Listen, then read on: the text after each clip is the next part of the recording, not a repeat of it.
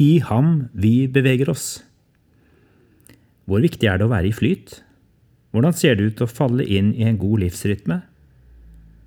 En gang var det en som sa til meg at jeg skulle få oppleve å leve som fisken i vannet. Hun mente dette var et budskap fra Gud. Jeg skjønte at hun snakket om livet mitt, og særlig livet som kristen.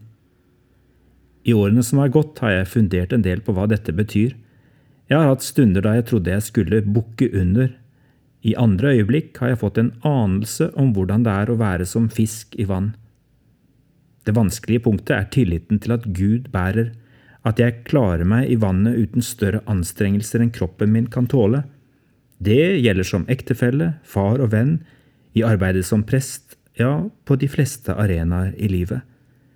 Jeg har innsett at bildet om fisken i vannet for meg må handle om å være i flyt og å finne den gode rytmen. Som når jeg ligger i vannflaten og forsøker å flyte på ryggen uten å bevege verken hender eller føtter. Det er det punktet der jeg ligger flatt nok og stødig nok til at kroppen kan flyte rett under vannskorpa. I det øyeblikket jeg kommer ut av balanse, eller begynner å kave med bein eller armer, faller jeg raskt ut av flytsonen igjen. Det er fortsatt mulig å holde seg flytende på den måten, men da kreves det så mye mer energi. Og hva handler den gode rytmen i vannet om? Det oppdaget jeg først en sommer for noen år siden, under en svømmetur. Jeg hadde ikke tenkt over før hvor energibesparende det er å finne en god rytme i svømmingen. Det var den jeg fant da jeg for hvert svømmetak liksom fløt til overflaten uten motstand, pustet inn og gled ned igjen i vannet. Plutselig hadde jeg svømt en lang stund nesten uten å merke trøtthet. Da jeg tok en liten pause, kommenterte kona mi så god du er. Og det var jeg kanskje, men jeg følte ikke at jeg hadde gjort noen større anstrengelse selv. Tidligere i ferien hadde jeg prøvd meg på tilsvarende svømmeturer og kjent hvor sliten jeg ble underveis og etterpå. Visst gjør det godt å ta seg skikkelig ut av og til, men da blir det så mye tyngre å holde på i lengden. Den gode rytmen handler om et tempo som er akkurat så sakte og akkurat så fort og akkurat så regelmessig at du nesten ikke merker at du bruker krefter på det du gjør. Hva er for eksempel en god bønnerytme? Hva er en god bibellesningsrytme? Hva er en god arbeidsrytme? Og hva er en god rytme i vår kristne tjeneste der vi er i livet? Kanskje er det en slik rytme og en sånn flytsone Paulus viser til når han snakker om at vi er skapt i Kristus Jesus til gode gjerninger, som Gud på forhånd har lagt ferdige for at vi skal vandre i dem.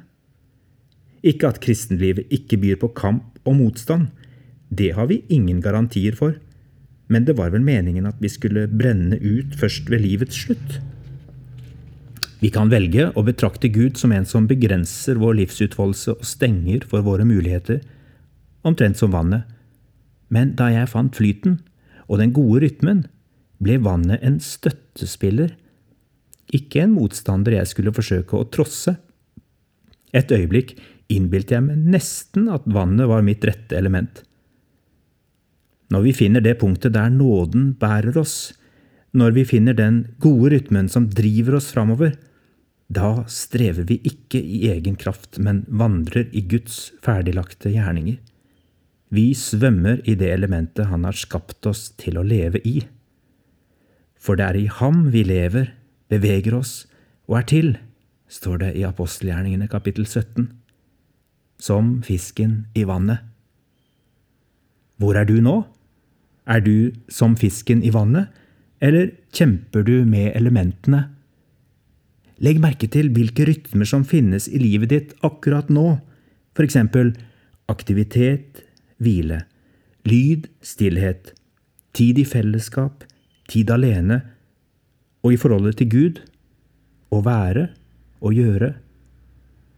Er du ute av rytme på ett eller flere områder nå? Inviter Gud inn i det som er i ubalanse, og be om konkret hjelp til å falle inn i rytmen igjen.